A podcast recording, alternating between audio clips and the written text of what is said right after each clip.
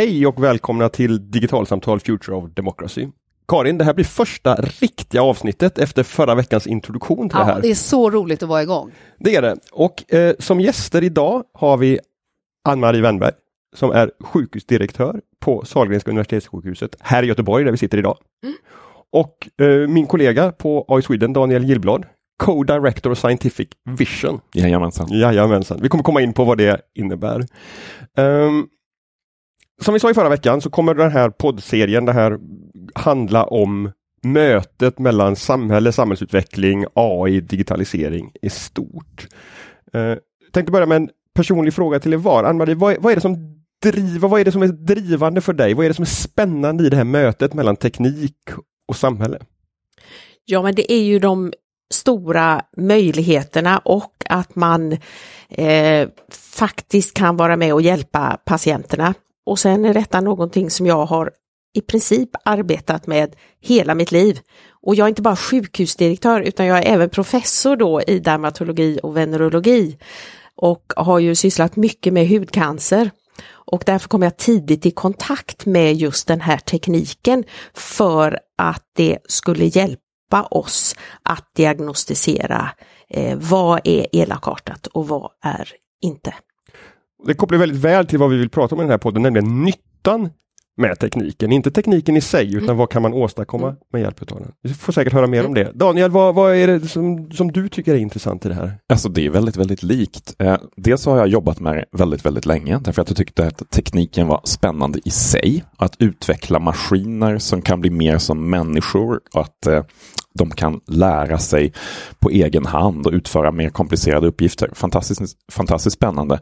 Men nu, framförallt i kopplingen till eh, samhälle och så vidare, så är ju AI och den här typen av teknologier en möjlighet att se till så att vi kanske kan undvika de värsta farorna med klimatförändringar eller se till så att vi kan ha ett värdigt liv och så vidare och så vidare och så vidare. Så det finns en enorm potential och det har ju blivit drivkraften nu. Mm. Nyttiggörandet ja. och möjliggörandet. Som det här Verkligen. Men du, du, du, du pratar om AI och vi, vi kommer återkomma till begreppet AI på många sätt i de här poddavsnitten Man framöver. Man blir nyfiken på att bara förstå vad är artificiell intelligens? Ja men precis, och det finns massvis med definitioner och många av dem är ganska tråkiga. Det är egentligen kan man säga att det är en samling eh, teknologier, metoder och så vidare för att göra huvudsakligen datorprogram som gör att datorer kan bli lite mer mänskliga på det sättet att de kan göra saker som tidigare kanske mest har varit eh, Eh, mänskliga egenskaper. Som att lära sig från att observera verksam, eh, verkligheten runt omkring. Förstå mänskligt språk, kunna tolka bilder, kunna agera själva eh, i, eh, i världen runt omkring dem och så vidare. Så det är en stor samling teknologier som sitter ihop vid det här laget. Sen finns det mer spännande definitioner också som eh, att artificiell intelligens är en grundläggande teknologi som verkligen är nästa steg i digitaliseringen. Vad gör vi nu med den här typen av data och så vidare som vi samlar in och så vidare. En fråga, det kanske är helt hopplös, men mm. av de nyttor du ser, hur långt har vi kommit? Om vi säger att det, det, hela snöret är 100, 100 meter. Oj, väldigt, väldigt kort. Och, och det, det, gäller nog även de, de grejer som redan är färdiga, om man säger som så. För de är inte sammansatta på ett jättebra sätt i riktiga stora system. Om vi tar vården till exempel så finns det jättebra diagnostiklösningar och sånt där. Men ja, alla pratar inte med alla och de löser vissa enskilda problem och sånt där, men löser liksom inte hela vårdapparaten på något stort på något stort, eh, mer konsekvent sätt. Så jag tror potentialen är enorm. Mm. Mellan 0 och 100, vi har kommit till 15 kanske. Ann-Marie, när du tog dig an det här, eller ditt forskningsfält inom, mm. inom dermatologin. Vad, vad var det som, hur, beskriv, hur, hur upptäckte du möjligheterna att, att, att ta tekniken som ett nytt hjälpmedel här? Ja, egentligen så har han nog alltid varit lite teknikintresserad men eh, inte för jag är någon eh, jätteskicklig på teknik men ändå. Och det här går ju tillbaka till 90-tal och då sysslade jag mycket med eh, just eh, malignt melanom och ärftlighet för hudcancer. Och vi hade patienter som hade mängder med födelsemärken. Och då fanns det system, jag kommer ihåg det hette Molemax ett system där man kunde hjälpa oss att ta kort på alla de här födelsemärkena. Och så hade det börjat en ny teknik där vi kunde eh, använda oss av polariserat ljus så vi kunde titta en liten bit ner i huden och titta hur det ser ut. Det kallas dermatoskopi. Och man kunde även ta sådana här dermatoskopibilder med den här Molemax.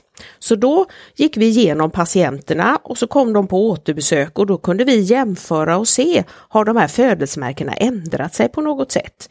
Dels så att säga vanlig eh, en-till-en-bild men också det här uppförstoringen och en bit ner i huden. Men var det fortfarande en jämförelse som ni gjorde Manuellt. Helt manuellt, helt manuellt. Men då blev det så här att då fick jag möjlighet att vara med i ett EU-projekt tillsammans med kollegor då i Wien AKH, Allgemeines Krankenhaus, är deras stora universitetsklinik. Och sen var det vi från Göteborgs eh, eh, Sahlgrenska universitetssjukhuset och så var det Linköping universitetssjukhus, en kollega där. Och så var det några privatkliniker i Österrike. Och då frågade de oss, vill ni vara med och utveckla den här Molemax då, alltså det var utgick mycket ifrån den här apparaten. Ja men det låter ju intressant. Och då började vi lite som du säger att lära maskinen. Så då tog vi mängder med bilder och så stoppade vi in det i maskinen. Och så fanns det algoritmer, alltså ni vet olika så att säga eh, typer av beräkningar. Och så skulle det komma ut någonting om det var lite mer elakartat eller inte. Men lite grann trögt var det att mata maskinerna och jag kan nog säga att då på den tiden så sa jag nog så här att ja men om man kan få till det här då ska jag äta upp min gamla hatt. Och lite grann har jag fått börja käka på den.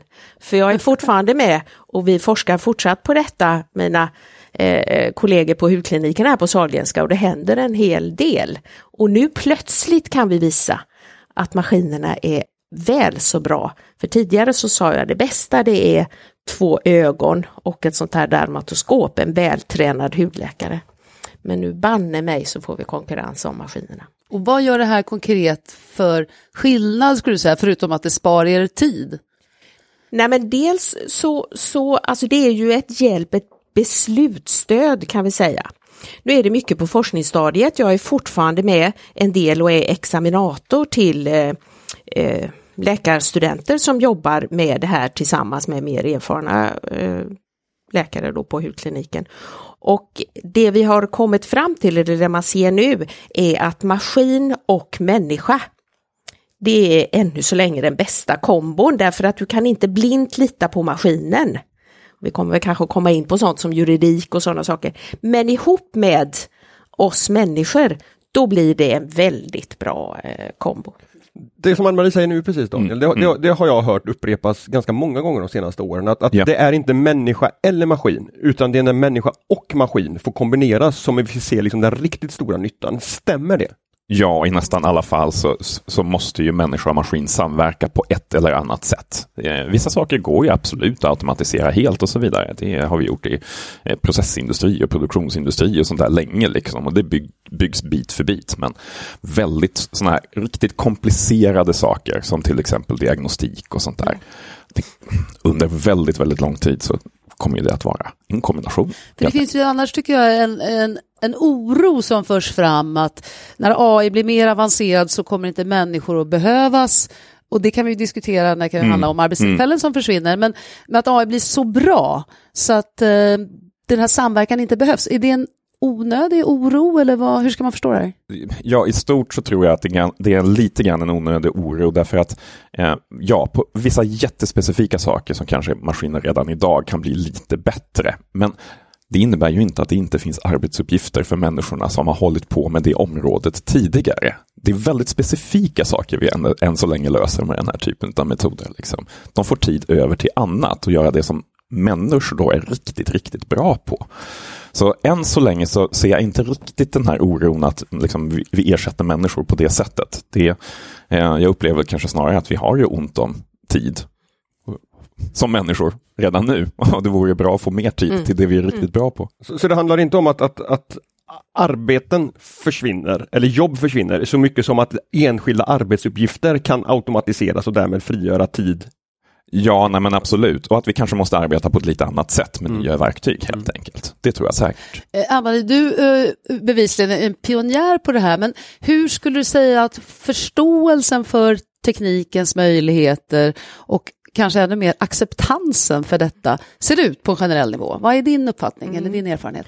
Men först kan jag bara liksom kommentera det här ersätta eh, människor därför att inom sjukvården det är ju något av våra stora problem. Det är ju egentligen att man säger det behövs ännu mer människor, ännu mer så att säga som jobbar i sjukvården och på något sätt så är ju antalet i arbetsför ålder begränsat. Vi vet ju det att det ökar ju inte alls lika snabbt som 80-plussarna till exempel och så. Och därför behöver vi ju hushålla med eh, de personer som arbetar i sjukvården och då att få den avlastningen och hjälpen, vilket så att säga maskiner och AI kan göra, det spelar en jättestor roll för vi kan ju få, och vi får ju mängder med data.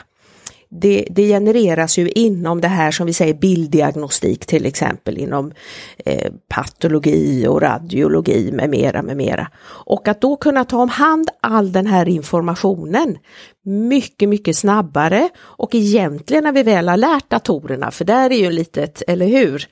Eh, jobb att göra. Så så, så är ju de, de blir liksom aldrig trötta och de behöver inte kaffe och, och de blir inte hungriga utan de är ju, de kör ju på på något sätt och väldigt eh, eh, förutsägbara. Det är ju inte riktigt vi på samma sätt. Så att eh, om man använder AI på rätt sätt så finns det enorm potential och möjlighet till avlastning och att då våra eh, medarbetare i sjukvården som ägnar sig åt kärnverksamheten får jobba med eh, patienter och med de uppgifter där det behövs människor. Så att jag är inte egentligen alls orolig utan snarast så är det här eh, avlastning. Men så måste man se vad är fördelarna?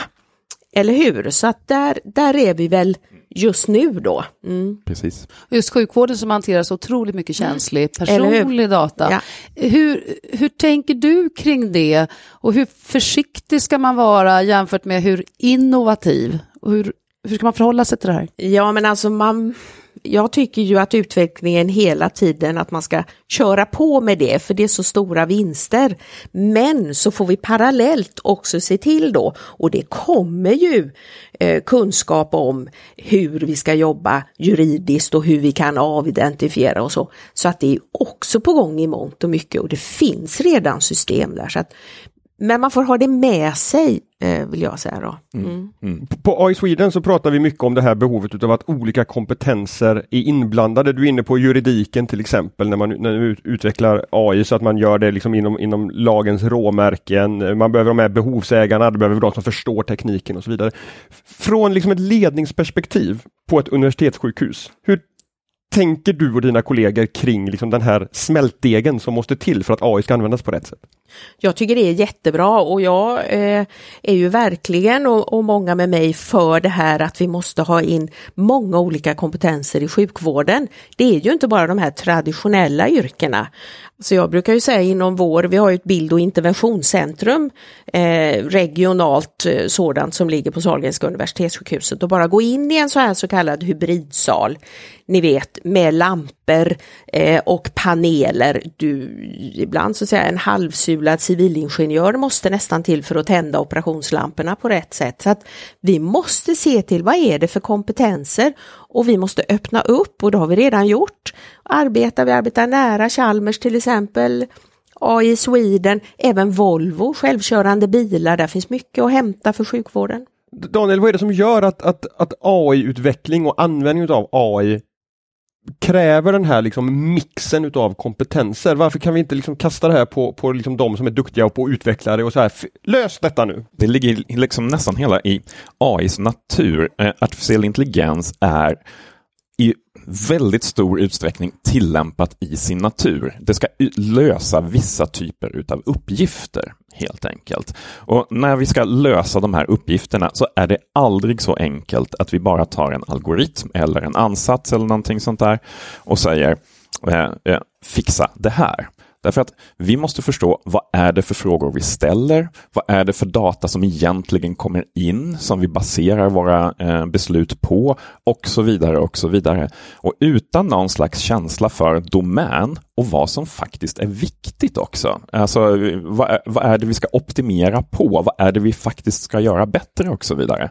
Eh, så klarar vi inte av att bygga den här typen av system helt enkelt. Och, eh, bitvis så kan det ta lång tid. I vissa fall som i till exempel eh, eh, ert fall med dermatologi och så vidare, så var kanske, nu har ju teknologin kommit väldigt mycket längre. Så, så det har blivit mycket lättare att göra den här typen av saker. Men fortfarande så tycker jag att det är ett bra exempel på det tar tid att utveckla sådana här saker. Det gör det. Det går inte jättefort. Och man måste skaffa rätt data och man måste skaffa rätt kompetens och man måste förstå precis eh, vad är det för egenskaper hos det här problemet man ska lösa.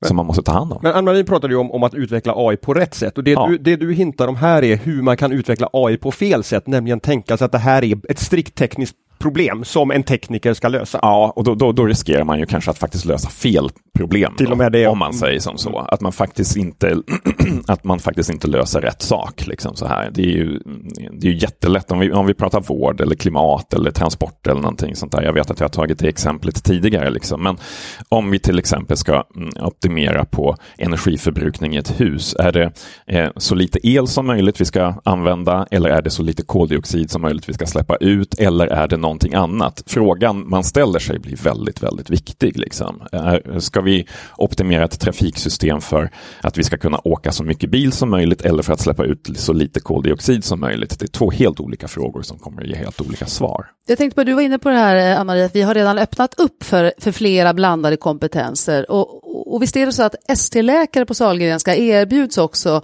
utbildning i innovation och utveckling. Vad är det ni vill åstadkomma med det? Nej, men det är ju just att få den här förståelsen för varandra. Eh, jag började tidigt eh, i min kliniska forskning och har just samverkan och samarbete med Chalmers tekniska högskola och med naturvetenskapliga fakulteten. Och det jag då såg det är det här gamla klyschan att ett plus ett faktiskt blir fyra.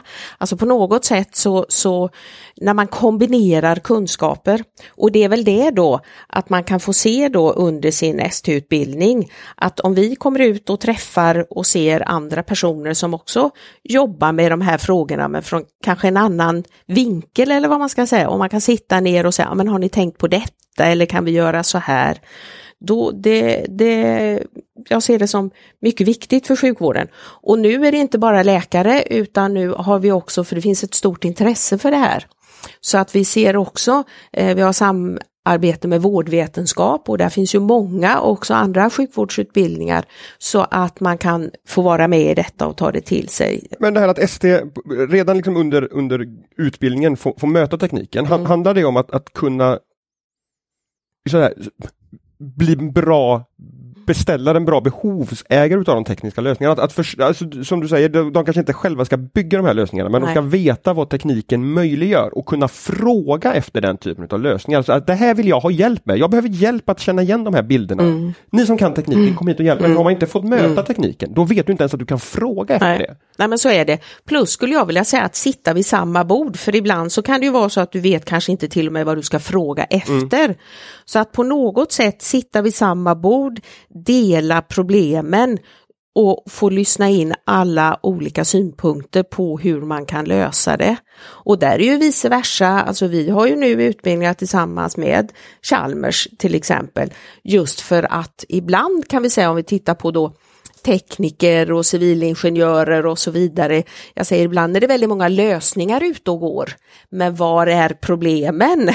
så att det gäller ju att vi matchar varandra så här då. Så att, eh, och jag tror mycket just på medicin och, och, och teknik, mm. att det finns väldigt mycket att hämta där. Ja. Men sen är det ju det här som jag skulle vilja säga också, och det kan du ju mer självkörande bilar, det finns ju mycket där att lära sig för oss Otroligt. i sjukvården. Och, Vad tänker du på då? Eh, jo men eh, jag vet ju just det här hur man framställer det här med AI eller hur, att just när du håller på och lär maskiner så har man kommit lite längre kanske Mm. inom det här. Och då kan vi knycka de här algoritmerna vad jag förstår, alltså de Absolut. här beräkningarna Ja. och applicera det hos oss i sjukvården. Absolut. Det är så mycket bildbehandling i autonoma bilar som till exempel skulle kunna överföras. Och inte bara själva de algoritmerna, utan alla verktyg runt omkring för att samla in data, annotera data, köra stora beräkningar och sånt där som går att sno helt enkelt. Men jag, jag, jag håller helt och hållet med. Det här samtalet mellan de som kan liksom, domänen och de som kan eh, tekniken till exempel är absolut nödvändigt. För det, det är ehm, eh, en AI-expert som kommer in i ett nytt område vet ju inte vad som är viktigast att svara på. Och domänexperterna vet ofta inte vad som faktiskt är möjligt att göra. Eh, de kan tro att någonting som är eh, jätteenkelt att göra faktiskt är jättesvårt medan någonting som de tror är supersvårt är relativt enkelt. Och det här måste man ha en diskussion om. Hur, hur bygger du förutsättningarna för det samtalet? Vad är det som, faktiskt behövs? Att det gäller ju att sätta ihop riktigt bra män, människor med varandra vid en kaffemaskin eller att de jobbar närheten av varandra och så vidare. Det är det, det jag åtminstone har sett har funkat bäst. Liksom så här. Sen så ska man inte tro att det går supersnabbt. Det kan ta ett halvår innan man har börjat lära sig prata lite grann samma språk och sånt där. Jag funderar på en sak du sa, eh, att tekniken och AI kan möjliggöra helt olika utvecklingar. Ni pratar ju, alla, ni pratar ju bägge här om samhällsutveckling. Att vill vi ha det här eller vill vi ha det här? Vill vi ha ett energisnålt hus eller ska vi släppa ut mindre koldioxid eller ska bilar köra eller ska vi... Eh, hur tycker du generellt det ser ut i Sverige? Hur, hur tydligt är det vad vi ska ha AI till? På samhällsnivå tycker jag att det är jätteotydligt. Vissa industrier och så vidare har ju kommit långt därför att de ser att okej, okej, vi behöver vara med. Om vi, nu pratar vi till exempel autonoma fordon igen. Ja, fordonen måste bli autonoma. Det behöver vi. Det finns bara den här typen av teknologi som kan lösa det. Vi måste springa med det. Men som lösningar på samhällsproblem så tycker jag inte alls att vi diskuterar det på något riktigt bra sätt överhuvudtaget. Vad är det för slags samtal du saknar? Men det är nog egentligen det här eh, mer visionära samtalet men ändå grundat i, i, i realiteter av vad tekniken kan göra och vad som till exempel vård och energisystem och annat faktiskt eh, behöver. Om vi nu tar ett steg tillbaka eh, och tittar på de här eh, systemen i samhället idag.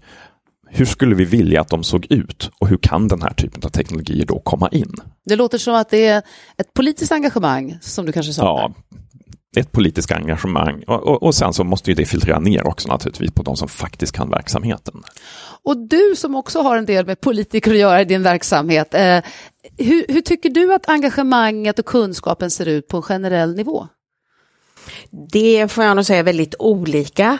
Men jag kan ju gå tillbaka då som eh, sjukhusdirektör för Sahlgrenska universitetssjukhuset så ligger det ju i vårt uppdrag som eh, just när vi har pratar om universitetssjukvård så är det ju sjukvård men det är också forskning, utbildning och innovationer. Så det är del i vårt uppdrag. Och då blir det ju också så, så vi som chefer på jobbandes med universitetssjukvård, vi måste vara med och driva den här utvecklingen. Och då handlar det ju om också att se till att medarbetare har adekvata strukturer och kunskap med mera, med mera. Och sen är det ju interaktion med politiken, nämligen eh, att vi då kan vara behjälpliga och, och, och förklara och med mera, med mera. Och sen klart så finns det ju, politiken är ju ett snitt av, av oss medborgare, eller hur? Och där finns det ju sådana som är mycket, mycket intresserade. Mm. Men det är en fördel för er förstår jag att ni är just universitetssjukhus Ja, och att men- ni har ändå forskningen som ett uppdrag. ja. För man förstår när man hör vården i stort att det inte är lika lätt överallt att driva innovation. Vad hör du bland dina sjukhusdirektörskollegor som kanske inte bara är från universitetssjukhus? Vad, vad möter de för någonting? Mm. Nej men dels så skulle jag nog vilja säga att det finns ett stort eh, intresse men sen handlar det ju om uppdragen och det är klart att när man jobbar väldigt mycket här och nu och med sjukvård då, då blir man ju fast i det, eller hur? Men, eh, och här har ju vi då eh, ett uppdrag att så att säga vara eh, motorer och kunna driva och, och entusiasmera och, och se. Men så här kan man också tänka och då skulle jag vilja säga så att vi har ju, tycker jag, en väldigt fin samverkan i Västra Götalandsregionen vad gäller detta. Vi träffas ju ofta och vi pratar om de här sakerna. Du sitter ju också i regeringens innovationsråd som ledamot och du är själv ledare för regeringens vårdkompetensråd. Mm. Om vi börjar med det sistnämnda, mm. hur mycket av teknik och AI diskuterar man där skulle du säga? En hel del skulle jag vilja säga. Just det här vårdkompetensrådet där jag är ordförande, precis som du säger, så var ju vi, jag skulle vilja säga vi var en av de första som efter första pandemivågen gick ut med en analys, alltså hösten 2020, där vi tittade på vad är det, om man går på temat Never waste a good crisis, vad är det som vi kan ta med oss mitt i allt det här hemska som ändå har varit bra? Och en av de sakerna är ju det här jättesprånget som digitaliseringen gjorde enormt. Plötsligt det här som vi har stått och pratat om, många av oss. Nu måste vi köra lite digitala möten här och patienterna behöver kunna komma i kontakt med oss eh, utan att behöva resa till exempel och så. Det sa ju bara pang så hände det. Och i förlängningen där så kan man ju också använda AI, så det är sånt som vi eh, verkligen eh, pushar för skulle jag vilja säga. Men finns det någon risk att man nu när pandemin förhoppningsvis mm. ändå lugnar ner sig, att man om man inte är väldigt innovativ tycker att vi går tillbaka till, det måste vara fysiska läkare, det är ändå trevligast och bäst att träffa en läkare. Att, eh, åtminstone i vissa regioner, att man inte tar vara på utvecklingen och säger att nej, så här många digitala besök, inte fler. Det var bättre förr. Jag kan ju vara rädd för det och vi ser ju lite liksom hur det kan fjädra tillbaka så där gäller det ju att ligga på och verkligen eh, påtala och, och det jag ändå kan säga är väl att i många sjukhusledningar och regionledningar och så, så börjar man ju sätta tal för så här mycket, så här många procent och då gäller det ju att hela tiden eh, trycka på för det är ju till hjälp. Vi ser ju att våra patienter i mångt och mycket tycker det här är väldigt eh, bra. Jag kan bara ta som ett exempel som fick eh, kvalitetspriset eh, Förra året var det väl, det är en cystisk fibrosmottagning, alltså det är en allvarlig lungsjukdom som, som eh, drabbar eh, unga, unga barn och så vidare och det påverkar hela familjen. Och då när man ska till universitetssjukhuset så kan det vara så att det är långa resor, det här är regionvård och ibland nationell vård. Långa resor och man ska träffa många olika eh, vårdprofessioner, läkare, sjuksköterskor, undersköterskor men även fysioterapeuter, arbetsterapeuter eh, och, och flera. Och att då kunna ha, så har vi kunnat digitalisera detta helt och hållet och då ser man ju vilken avlastning det är för familjen. Att inte behöva ta ledigt från jobbet i samma utsträckning, att inte behöva resa med bilen. Och så var vi bekymrade över, ja men kommer man tycka det här är bra att bara sitta framför eller bakom en skärm. Men det har visat sig ha slagit väldigt, väldigt väl ut. Så att, sen säger inte jag att allt skall, jag menar det handlar inte om det här noll eller hundra, men i många delar så, så är det här ett jättebra hjälpmedel. Ja, jag kommer att tänka på en, en, ett, en diskussion som jag hörde i något jag, jag bor i, i, i Vänersborg och har därmed eh, NÄL, Norra Älvsborgs länssjukhus, som, som mitt, min närmsta akutmottagning. Och jag hörde ett, ett resonemang om, de hade tittat på eh, riktnummertillhörighet på de personer som satt i väntrummet på akuten. Och inte så förvånande så ju längre, var du uppifrån norra Bohuslän, hade ett riktnummer som började på 0525 och bodde i Grebbestad, så var du inte så många därifrån som satt där. Men hade du ett 0520 eller 0521 och alltså hade nära, då, då tar du dig till akuten för, för lindrigare symptom. Eh, och att hur det här handlar då liksom om, om en, en, ett dåligt resursutnyttjande därför att patienter söker inte den vårdnivån som de egentligen hör hemma i. Eh, den vårdcentralen som jag är listad hos har en jättebra chattmöjlighet så vi kan liksom chatta med våran vårdcentral om väldigt eh, liksom så här, lindra symptom och få, få hjälp den vägen snabbt och lätt. Hur kan, hur kan digitaliseringen hjälpa till här att, att på olika sätt, för du var inne på det, resurshushållning, de, de, de händer som faktiskt finns i vården, att de gör rätt saker. Hur kan vi som vårdtagare få, få hjälp att hjälpa er att göra rätt sak med hjälp av det, det digitala? Ja, men en av de saker, det är det du säger, vi måste lyssna på patienterna. Det är väl något med det absolut viktigaste. Och eh, så att eh, lyssna in, vad säger patienterna, hur vill patienterna ha det? Och sen titta på goda exempel. Och många gånger, jag vet det ju från, från eh, tidigare erfarenheter, att har du långa sträckor, precis som du säger, så åker vi till Umeå till exempel och ser hur jobbar man på Umeå universitetssjukhus. Så, så finns det ju helt fantastiska digitala lösningar. Ett tag så hade de ju på hudkliniken där, jag tror, tror att hon till och med var chef och så jobbar hon i Australien och hade utbildning av eh, nya adepter med mera, med mera. Så att tekniken eh, har ju nästan inga begränsningar. Men vi måste lyssna in våra patienter. Det är någonting som är jätteviktigt skulle jag vilja säga. Och det finns enorma möjligheter vi pratar här om, om eh, vårdkompetensrådet och så och vi har ju nu ett uppdrag där vi ska se hur vi kan vara behjälpliga vad gäller primärvården, öka attraktionskraft med mera. Det är ett stort uppdrag vi har och då får man inte glömma bort det här med digitaliseringen. Dels digitala kontakter med patienter som du säger, men också mellan eh, olika vårdkompetenser. Vi behöver inte hålla på och resa utan man kan på en vårdcentral ha kontakt med, säg om man vill prata med några så att säga, specialister på ett sjukhus och så vidare. Så det finns ju obegränsat. Det finns ju mycket lösningar som du säger nu som finns här och nu och som man egentligen bara kan börja använda och som används.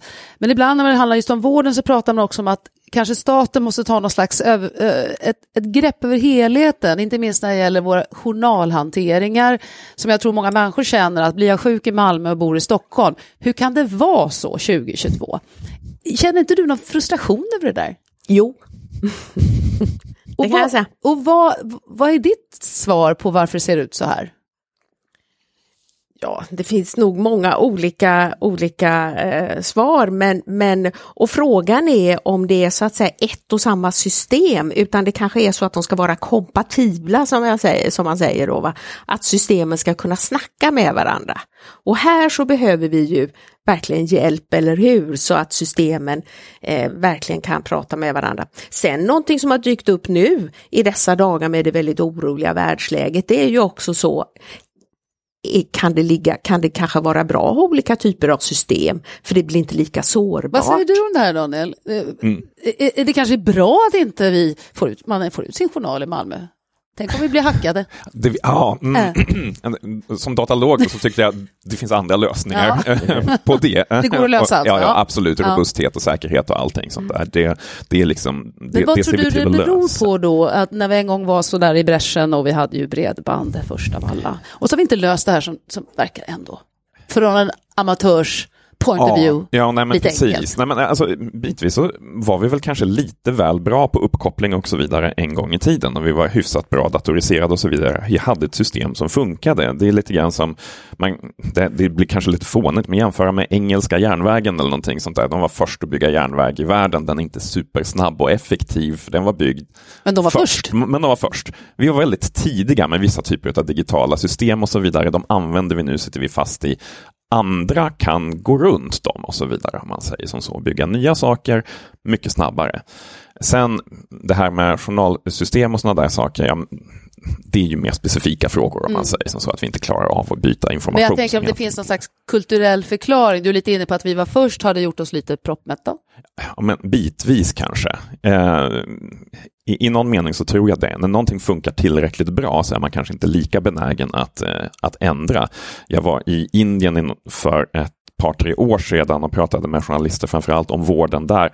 De har ju en helt annat behov av att digitalisera vården för de har inga läkare och kan aldrig skaffa läkare till alla små byar runt om i Indien och så vidare. Utan de måste ha eh, digitala lösningar, de måste ha AI-lösningar och så vidare hur hoppar de dit? Och de kommer inte att ta vägen via de system vi har byggt här, utan de kommer att hoppa till någonting annat på en gång. Liksom. Hur lyhörda tycker du att vi på samhällsnivå är då för att hitta nya lösningar jämfört med att fortsätta bygga på de system vi ändå en gång har skaffat?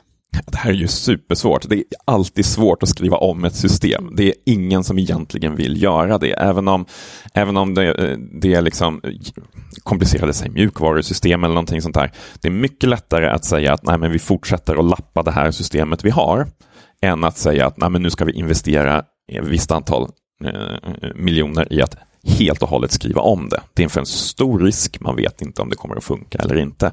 Men i det här läget så tror jag, när vi ska gå mot riktigt mer avancerade lösningar, AI och liknande, så kanske i vissa lägen så måste vi bara titta på det faktiskt.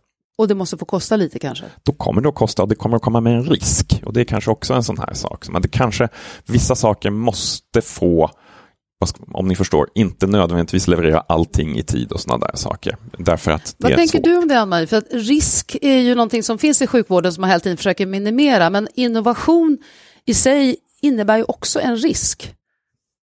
Vad tänker du om de här Nej men alltså, då kommer jag ändå tillbaka till vårt uppdrag och, och, och, och, det som ligger i, i forskningens möjligheter och det här med innovationer. Alltså jag vill hävda att vi behöver hela tiden eh, flytta utvecklingen då som jag ser det framåt.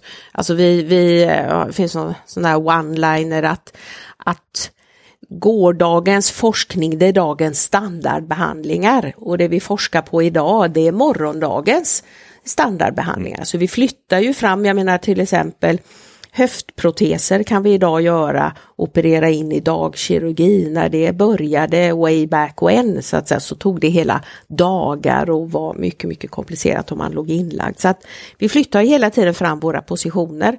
Men då kommer jag tillbaka till att vi behöver samtidigt ha med oss den här varsamheten så vi inte hamnar, vi har ju exempel på ja bara för att säga ett namn, Macchiarini eller hur? Alltså, så att det får liksom inte, vad ska vi säga, ta, ta överhanden, man får inte tappa klokskapen. Och det är ju därför vi har etikprövningar och vi har eh, skickliga, vi har en professor Lars Sandman i just etik vid Linköpings universitet. Så att vi måste också ha det, ha det med oss.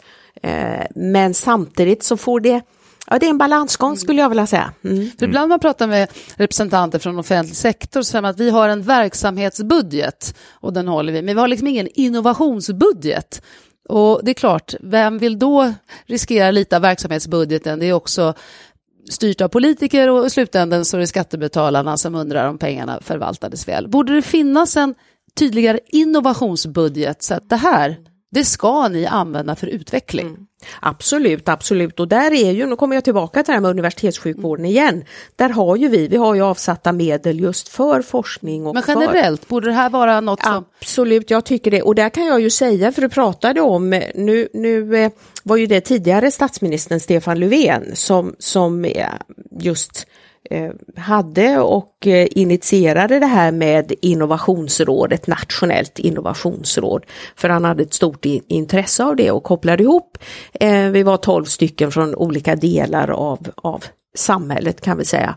Och, och där fanns ju ett väldigt driv i de här frågorna och jag tror att det finns. Och vad man... driver ni för frågor där? Vad, vad säger ni till regeringen och folkvalda? Hörni, kom igen! Ja men så är det. Nu kan jag säga så här att i och med att Löfven klev av som statsminister då avslutade han, för det var hans eh, projekt. Ja, det var så, hans baby. Ja, Aha. precis. Så det precis. finns inget nationellt innovationsråd? Nej, nej, inte sedan... Har vi innoverat färdigt? nej, det tror jag absolut inte.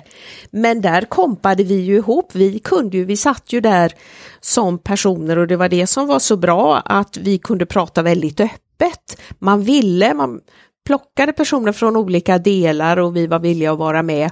Och sen så sa vi att mycket det vi snackar om det inte att det stannade kvar där men att man tog det om hand på ett, vad ska vi säga, ja men det här har innovationsrådet alltså Hole kommit fram till och så tar det, tar det med sig. Och det finns ju många delar i samhället som verkligen är intresserade av det. Men jag, lite synd kanske, Sverige lär väl behöva ett nationellt? Ja absolut, absolut. Du ställer upp om de jag, ringer? Jag eh, står redo. Ja, bra. Absolut. Bra, vi hoppas de lyssnar på detta nu Anders. Verkligen. Eh, jag, jag, jag, tänker så här att, att det, det, det, samtalet som vi för här idag, och som jag tror att vi kommer göra i, i flera av de kommande avsnitten också, det, det, det handlar om om två saker som vi vill bygga ett tydligt vändiagram mellan, nämligen liksom ett, ett verksamhetsbehov och en teknikutveckling där teknikutvecklingen kan stödja verksamheten. Uh, och du har varit inne på det Daniel, att, alltså, för, och, och, du med Maria, att, att för att få det här att, att funka så måste olika kompetenser mötas. Vad är vad riskerar vi om vi inte får, får det här vändiagrammet att faktiskt, utan att liksom verksamheten springer i ett spår och, och den tekniska utvecklingen i ett annat framöver? Lite vad står på spel Ja, vad står egentligen? på spel?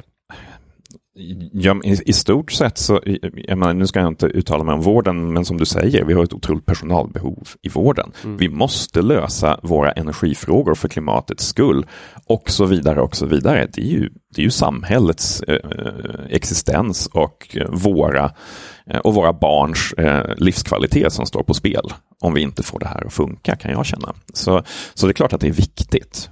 Och Och, och, och, så, och så därför behövs en förståelse för vad, den här verktygslådan som vi kan öppna och titta ner i nu som är liksom datorseende och det Ja. och så vidare. Att, att, precis. att f- få ett, ett grepp om vad sjutton kan vi använda det här till?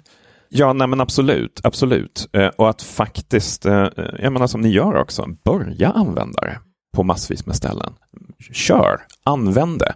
Jag tror att det är man kommer eh, Eh, det finns redan eh, etikprövningar, det finns, eh, sund, det finns sunda värderingar och man ska inte underskatta värdet av att faktiskt arbeta med de här frågorna med sunda värderingar i grunden. Så att man hela tiden på vägen ställer sig rätt frågor. Bevarar vi folks integritet? Tar vi vara på deras välbefinnande och så vidare. och så vidare. Om man ställer sig alla de här frågorna på vägen så är riskerna de finns där, men de finns inte alls på samma sätt som om man bara eh, springer på. Givet det här du, du pratar om att eh, eh, vi behöver göra olika värderingar av risker, det finns etikfrågor som är centrala. Tycker du att utvecklingen går lagom fort? Nej, men man vill ju alltid att saker och ting ska gå snabbare, eller hur? Eh, och, och, eh, en del av min frustration kanske sitter i det faktum att det går att se att det finns rätt mycket teknologi och så vidare som skulle kunna göra nytta. Inte på en gång, inte så där, men om man anpassar den och eh, ser till att den kommer i användning på skala. Och det skulle ju vara fantastiskt roligt att, att komma vidare med helt enkelt. Och det, Och tillbaka till det du sa tidigare här att på samhällelig nivå så tycker du kanske inte att engagemanget är tillräckligt stort. Nej, men i bitvis så kanske man kan känna att från till exempel svenska samhällets sida och så vidare vi pratar ju ändå om saker som tar lång tid att utveckla. Ibland så kan jag känna att det kanske inte är engagemang, det kanske är tidsperspektivet ibland som eh, vi kanske måste våga lyfta blicken helt enkelt och inte bara prata om ett år eller två år, utan prata om fem år och tio år. Men borde vi ha då, eh, apropå att nu, du har ju fått lite mer tid när du inte sitter i nationella innovationsrådet, men vare sig det är det rådet eller någon annanstans, borde det finnas kanske en tydligare vision, vart ska Sverige? Vart ska det svenska samhället, vården eller vår, vad ska vi göra med vårt bidrag till klimatet? Är det det som Man saknar lite. Mm. Ja, li- lite grann. Lite grann, utan tvekan. Och, och jag är inte en förespråkare för att Sverige nödvändigtvis, eh, precis som vi inte är riktigt en förespråkare om att ett, ett företag eller någonting sånt där ska ha en egen AI-strategi. Det, det kan vara bra att ha för Sverige att, för att komma igång med och så vidare. Men precis som ett företag ska ha en liksom, affärsstrategi och AI ska finnas som en del i den, så ska ju vi ha en samhällsstrategi om ni förstår vad jag menar. Där AI är en naturlig del. Liksom. Vad kommer det in? Vad kan det lösa? Och apropå strategier så talar man ju mycket om vården. Vi är ju väldigt decentraliserade i 21 regioner och en del av vård sker ju också på kommunal nivå. Eh, tycker du att man tar vara på teknikens möjligheter för att verkligen göra vården jämlik över Sverige idag? Nej, det tycker jag nog inte och jag tycker vi kan göra mer inom eh, sjukvården rent allmänt. Och jag, jag sitter och tänker på när du pratar här Daniel just att, att vi, vi har olika mindre projekt. Vi behöver se till att skala upp som man säger, alltså och, och använda oss av det eh, mycket mer så att eh, eh, ja, jag tror att man får hela tiden eh, jobba på så att säga och få, få det eh, bättre. Och lite grann det vi pratar om i innovationsrådet, du frågar om det, det är ju det, Sverige är ett litet land, eller hur? Vad är vi? Vi är som Storberlin sett till befolkningen. Och, och det finns mycket kunskap, mycket eh, bra inom vårt land och jag tror att just det här att samverka över hela landet, den är väldigt eh, viktig, alltså en sund konkurrens men samtidigt att vi jobbar så att säga för, för Sverige och tillsammans. Eh, och det, det är lite för mycket öar skulle jag vilja säga. Mm. Ja, och alla har sitt uppdrag, eller Ja. de har liknande uppdrag Ja. eller samma uppdrag, men utspritt på väldigt många händer. Mäktar regioner med det här eller kommuner, att var och en ska driva på och sin, ha en strategi som funkar? Alltså här då, då kan jag komma in på det nationella vårdkompetensrådet. Det vi säger, det är väl att vi menar på att det är nationell samordning, alltså att det, det att man kan se. Vi, eh, apropå de här analyserna som vi har gjort så, så kom vi med en del två eh, för inte så länge sedan där vi liksom påtalade, för i, i det här vårdkompetensrådet så sitter lärosäten, det sitter kommuner och det sitter eh, eh, regionvård, alltså sjukvård och det är unikt med rådet att man samverkar. Men där har vi också kunnat säga vad kan man göra vad gäller nationell samordning och vad kan lärosätena göra och vad kan man göra där? Jag tror vi behöver se mer och mer till det i Sverige. Hur kan man jobba? Tillsammans? Ja. Mm. Jag är nyfiken på en sak. Uh, utifrån era respektive perspektiv, du Ann-Marie som någon slags representant för, för behovsägare som vill göra saker och ting med tekniken och du Daniel som någon som är, står, står liksom tydligt förankrad i den tekniska utvecklingen.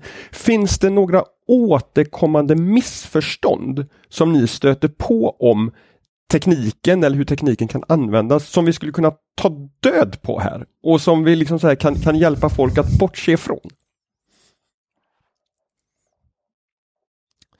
Jag skulle nästan vilja, om, om inte en, om inte ta död på, men som AI som quick fix, om man säger som så. Att det är liksom, ah, ja ja, vi kan gå in här och lösa ert problem på några veckor och så vidare. I vissa specifika fall så kan man göra någonting sånt. Men eh, att se, att se AI mer som ett metod för att verkligen långsiktigt utveckla verksamheten och så vidare och bygga in den på ett riktigt, riktigt bra sätt. Eh, det är väldigt sällan, som jag har sett i alla fall, AI som en riktig quick fix. Det kan bli en demonstrator eller någonting sånt där, men det innebär inte att den gör nytta. Det innebär inte att den liksom kommer i drift och verkligen används. Och så, så AI är inte en akutmottagningsinsats utan det är ett långt rehabiliteringsprogram? Det, det, ja, nej, men alltså det, det, det är ett längre commitment, men jag tycker inte heller att det är konstigt på något sätt, precis som att eh, alla delar av samhället nu jobbar med eh, datorer och informationsteknologi och så vidare, så kommer alla att jobba med AI-teknologi. Det, det, det, är inga konstigheter, det kommer att finnas där. Liksom. Från, från behovsägarens perspektiv, ser, ser du liksom ett, ett, ett, ett missförstånd eller feltänk kring teknikens möjligheter som, som du som har jobbat med det sedan 90-talet liksom förstår att de här misstagen får vi inte göra om igen för att det är inte så här tekniken kan hjälpa oss? Ja visst har det väl varit så att säga blindskär, det kan man väl ändå, ändå säga, men, men eh, nu kanske jag är i en, en unik miljö där man ändå så att säga då är positiv. Men jag skulle vilja gå tillbaka till det du tog upp där med patienterna. Jag tror att det måste vara ett samspel mellan sjukvården och att patienterna eh, också måste vara med och, och spela en stor roll som kravställare. Och sen också, vi ser ju idag i sjukvården, eller hur, hur man jobbar och, och, och, och sliter. Och någon form av avlastning. Och här finns eh, stora möjligheter skulle jag vilja säga att kunna avlasta och mm. kunna också hjälpa patienterna med all den här mängden information som vi kan fixa idag. Vi har ju unika diagnostikmöjligheter men man sitter fast i att bearbeta all den här informationen. Mm. Mm. Så jag ser detta som en, en jättemöjlighet som vi behöver kanske ta tag i än mer än vad vi gör idag. Då. Mm. Jag sitter och funderar på när du pratar om patientperspektivet, för det är klart, det är också väldigt olika. Det finns ju de som, man pratar också om ett digitalt utanförskap, mm. och så talar man om de som, som verkligen kräver de senaste tjänsterna. Jag tycker det är helt orimligt att inte samhället har åtminstone en tiondel av de tjänster som man använder till vardags i sin telefon eller var man nu sitter. Tror du att man skulle kunna hitta en framtid där patienten själv får välja, jag vill ha mycket mer digital kontakt med min läkare och någon säger så här, jag vill inte alls ha digital kontakt. Skulle vården klara av det?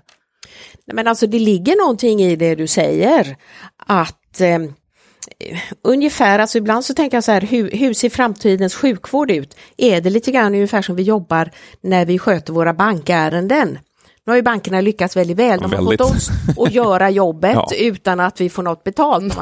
Men, men alltså lite grann det här att du som patient är faktiskt spindeln i nätet. Mm. Jag tänkte på det när jag eh, fick mina barn, det är ju ett tag sedan, då fick man sin, det var i och för sig en pappersjournal och man kände sig som ägare på något sätt av, av mig och min, eh, vad ska vi säga, nu ska jag föda barn så att mm. eller vi ska föda barn då. Och så säger vi har ju spetspatienter som säger, vem är bäst på den här min sjukdom, jo men det är ju jag och, som vet och kan. Så att, Mm.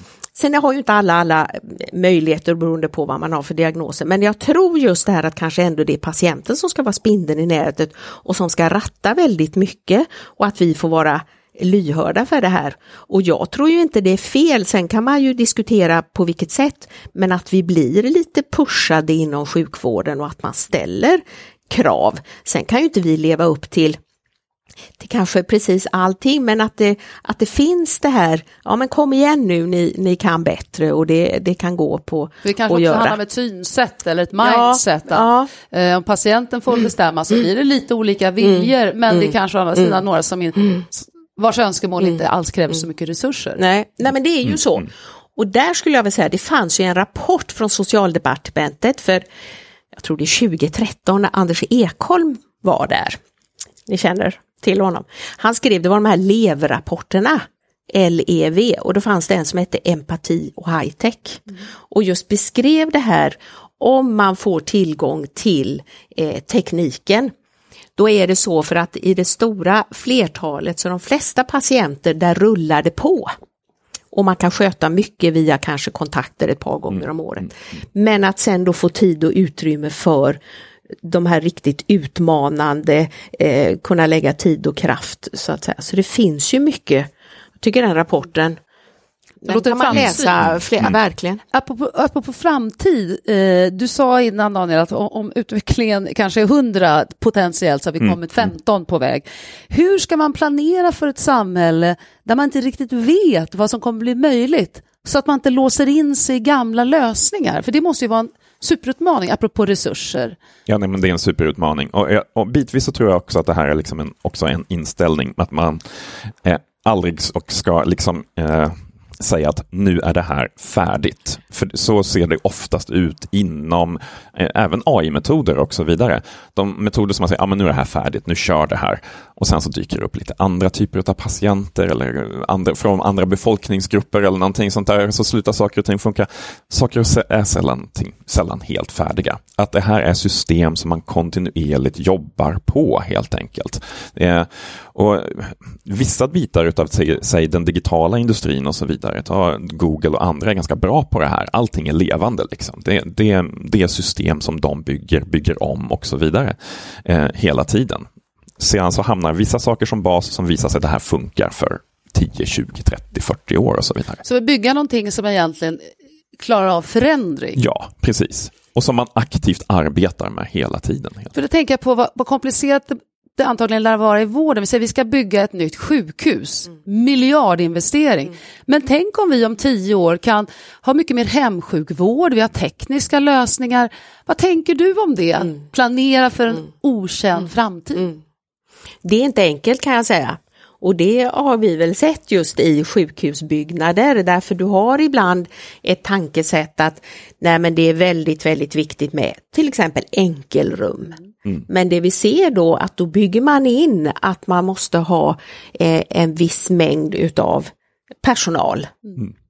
Och, och, och det är inte alltid att man har, har så att säga möjlighet till det då utan och att det kan bli lite osäkert för man har inte samma möjlighet till att, eh, vad ska vi säga, övervaka om det är IVA-patienter och sådana saker. Så att, Man kanske till och med bygger för många sjuk, sjukhusplatser så, tänker jag. Absolut, och det pratar man ju om i Borgholm till exempel, när jag talar om sån här Borgholmsmodellen och så, så säger man att ja men hemmet är en del av den stora eh, sjukvårdsapparaten och vi ser ju det även hos oss på Sahlgrenska, nämligen att vi har ju mobila team som tar hand om patienter i hemmet, så att det är ju redan så idag. Det ligger mycket i det här. Nu finns det ju folk som forskar på detta också på Chalmers till exempel, just hur ser framtidens vårdmiljö eh, ut, men det är jättesvårt att förutspå och förutsäga. Och sen så kommer det ju in det här med, jag menar covid, som fortfarande inte är färdig, smittsamhet, väntrum, hur käckt är det med väntrum på sjukhus, det kanske är sitta där och bli smittad, hur, hur bra Det är här det? är en fråga för framtidens arkitekter. Vi bygger sjukhus Ja. som kan byggas om till studentbostäder Ja. Ja, eller men eller hur? äldreboenden. Eller hur? Ja. Men det sätter ju också fingret på en av frågorna som är eh, mycket av utvecklingen inom AI och så vidare drivs av företag och så vidare som är digital first. De är väldigt digitala. Saker och ting är väldigt snabba att ändra. Det är inte fysisk planering för ett sjukhus som kanske blir byggt om 10-15 mm. år och gigantiska investeringar. Det är den här det är den här utmaningen som vi måste lösa på något sätt. Mm. Där vi ligger i en fysisk värld också, liksom, där inte allting är lika lätt att planera för, lika snabbt och där saker och ting faktiskt tar mycket, mycket längre tid. Avslutningsvis då, vad skulle ni säga är ett orosmoln respektive vad inger hopp? Utifrån det vi har pratat om. Vad skulle du säga Ann-Marie? Ja, men då går jag tillbaka till det här med ansiktsigenkänning. Jag tycker det är, vad ska vi säga, det har två delar i sig. Dels så kan det vara riktigt bra, eller hur, när jag ska öppna min mobil, känner igen mitt ansikte, det kanske är säkrare du Daniel kan inte öppna min mobil då och så mm. vidare. Men samtidigt så kan du få det här totala kontrollsamhället. Så att det... det Integritetsfrågan. Eller hur, ja. eller hur. Så, så, sådant måste man ju ha med sig och, och vill vi vara total kollade men samtidigt mm. kanske vi mm. tycker det är jättebra med kylskåp som fixar så att det alltid är filmjölk. Eh, mm. eller hur? eller hur? vad säger du då Daniel, vad, vad är orosmolnet för dig? Eh, de, de största orosmolnen känner jag alltid är det vi inte vet att vi inte vet. om man säger som så. Det vi, det vi vet att vi är osäkra på, det kan vi åtminstone planera lite grann för. Men eh, en av mina största oro är att när vi börjar använda vissa sådana här saker på riktigt stor skala, som vi har bitvis har sett lite grann utav i till exempel finansiella system och annat, får vi ut de effekter som vi faktiskt tror att vi vill ha. Tänker du på robothandel och sånt? Så det, mm. det, är ett exempel och väldigt specifika enkla algoritmer som redan har kraschat viss typ av handel och mm. så vidare. Eh, kommer det här att funka och framförallt kommer det att gynna alla oss i samhället eller kommer det att eh, slå över att bara gynna några få som har tillgång till te teknologin och kan styra den och så vidare. Den typen av konsekvenser är jag lite bekymrad över. För de är så oerhört svåröverskådliga helt enkelt. Det är liksom system, eh, eh, stora systemfrågor. Det är helt uppenbart att det här är ett samtal som kommer att behöva fortsätta. Men vi måste ju ändå få sluta i det som inger hopp, eller hur Anders? Absolut. Ja, Ann-Marie, vad inger dig då hopp? Nej men eh, då vill jag säga att vi har kommit så här långt. Om jag visste på 90-talet att det skulle kunna vara en sådan god hjälp i att diagnostisera malignt melanom till exempel, de här eh, svårare varianterna, då, då tycker jag det är, känns väldigt hoppingivande och att vi också ska kunna eh, få avlastning för vårdens medarbetare så att man kan ägna sig åt eh, patienter och patientkontakt. Eh, det tycker jag är mycket hoppingivande vill jag säga. Och då hade du inte behövt tugga på din tatt heller? Nej, eller hur? Daniel, hoppet? Vad hoppet? Nej, men, eh, det är jättekul att följa utvecklingen och se vad, vilka fantastiska lösningar som dyker upp och sånt där. Men för oss i Sverige och så vidare så kan jag känna att det som verkligen inger hopp det är ju att sånt som till exempel händer i Västra Götalandsregionen och så vidare. Aktivt arbete med de här frågorna. Att det faktiskt händer någonting. Att man eh, satsar på att eh, utveckla lösningar åt det här hållet. Och ni har aktivt bidragit här idag. Mm. Stort tack för ett superintressant samtal. Ann-Marie och Daniel. Och du och jag Karin, vi ja. har den stora förmånen att vi får fortsätta det här samtalet Vi får ju det. Igen. Jajamän. Till, till er som har lyssnat, tack så mycket.